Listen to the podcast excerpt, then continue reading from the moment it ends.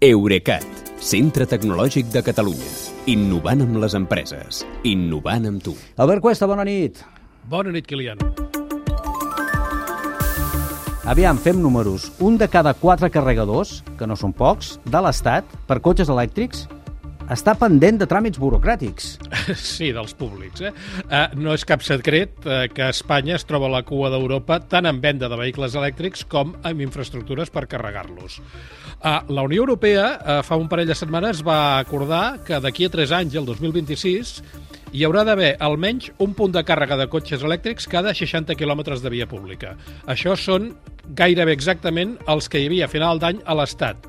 21.573 segons dades de l'associació AEDIBE d'impuls de, la de la mobilitat elèctrica. Vull dir que nominalment, si més no, estem molt a prop del mínim europeu però eh, és que aquesta proporció és molt baixa i Espanya està situada molt pel darrere d'altres països, concretament a la 19a posició del rànquing. Si a l'Estat hi ha això, 1,6 carregadors cada 100 quilòmetres, a Itàlia n'hi ha 9,2, a Portugal en tenen 24,9, a Alemanya són 25,8 carregadors cada 100 quilòmetres i als Països Baixos 64, que són 40 vegades més que aquí. Eh, puc fer allò de... Uf, eh, perquè quedi fes bastant fes clar. Um, quin és el motiu de tanta diferència? Eh, doncs, segons aquesta associació EIDIBE, un dels factors principals són les traves administratives, que és això que dèiem quan començàvem, eh, tant per l'accés a subvencions com pels permisos per instal·lar insta estacions noves. A finals de l'any passat hi havia a l'Estat uns 7.400 punts de càrrega públics pendents d'algun permís. I això és més del 34% dels que hi havia en servei. I d'aquí això que dèiem de que un de cada quatre està pendent de tràmits burocràtics. Aquesta entitat, al seu anuari, diu que el 2022 es van activar a l'Estat 8.200 carregadors, que és un 38% dels que hi ha, però si hi hagués hagut més agilitat administrativa, eh, el nombre s'hauria duplicat. Perquè de quin tipus són els carregadors que hi ha fins ara? Uh, gairebé un de cada cinc són de 50 quilowatts o més, que són els de càrrega més ràpida. Si abaixem el llistó fins als 22 quilowatts, n'hi ha dos terços que tenen almenys un connector de més potència, més de 22 quilowatts, i l'altre terç estan per sota. Havia una, una dada d'aquest anuari que em sorprèn, és que malgrat haver-hi tan pocs carregadors, a l'Estat se'n fabriquen molts. L'any passat van ser 360.000 unitats i la previsió d'aquest any és de fregar el mig milió. El que passa és que el 80, 87% d'aquesta producció s'exporta. Mm. Sabem mm, com es fan servir els punts de càrrega?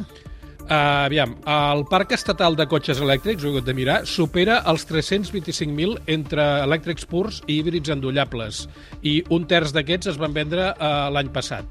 Però segons AEDIBE, els punts de càrrega que hi ha estan ocupats de mitjana poc més del 4% del temps i això vol dir que l'altre 96% del temps no els fa servir ningú i així costa rendibilitzar la inversió.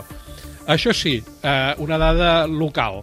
Eh, el percentatge d'ocupació de punts de càrrega eh, de cotxe elèctric a Catalunya és entre el doble i el triple de la mitjana estatal i en alguns casos arriba al 12% del temps.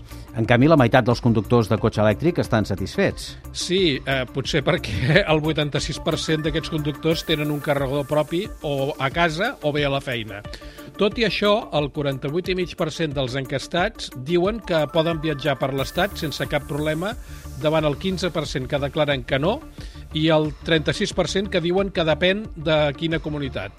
Només un 8% dels conductors de cotxe elèctric diuen que se'ls va acabar la bateria alguna vegada i que van haver de demanar auxili perquè, perquè els rescatessin. En canvi, el grau de satisfacció baixa molt i molt quan es demana pel procés de compra del cotxe elèctric. El 83% dels conductors diuen que els concessionaris no estan preparats per a vendre elèctrics i una quarta part van trigar entre un i dos anys a cobrar aquella subvenció del Pla Moves i un 13% van trigar més de dos anys a rebre-la. Uh, potser per això 4 de cada 10 compradors de vehicle elèctric ja ni s'ha molestat a demanar l'ajuda. Hmm. Bé, doncs ja veieu com està el mapa elèctric. Moltes gràcies i fins demà, Albert. Bona nit, Kilian. Fins demà.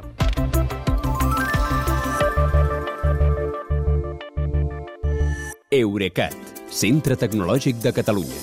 Innovant amb les empreses. Innovant amb tu.